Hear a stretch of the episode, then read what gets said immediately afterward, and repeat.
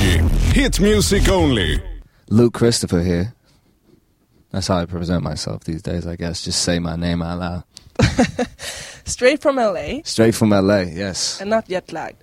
Yeah. Not jet lag yet, but I'm sure at some point today I'll be feeling it, yeah. Like the first mixtape I ever put out, Tomorrow Tomorrow, um, just kind of turned, like that just kind of grew, and the fans just kind of took it to a whole nother level. Because your your mixtapes are mainly produced by you. Yeah, so far, all the mixtapes I've produced, yes. How does it look like when you sit down and start create? Um, it's different every time. Like I um sometimes I'll write a song and then like make the beat to it.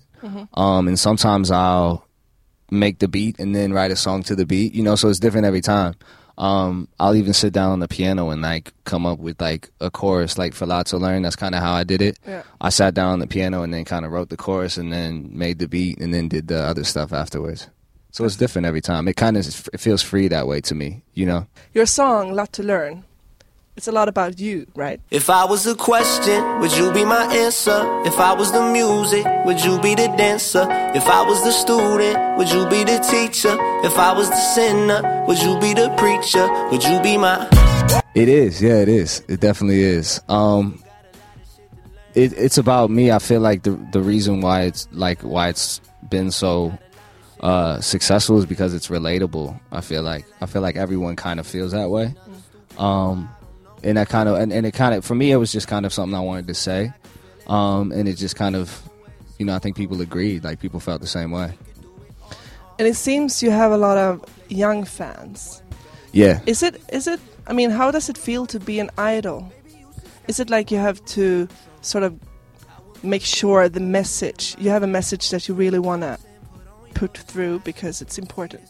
Yeah, I think you gotta. I think I gotta. Like, I just personally, I gotta be clear. You know what I'm saying? Um, I'm not gonna. I'm not gonna like assume this position of like, you know, like authority over anybody. So, like, I'm just gonna sing about what I feel about, and if you know, if people relate to that, then that's awesome.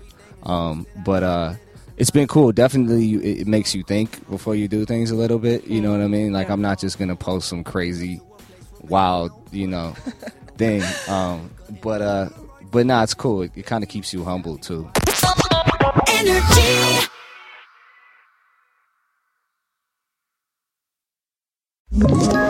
Ett poddtips från Podplay.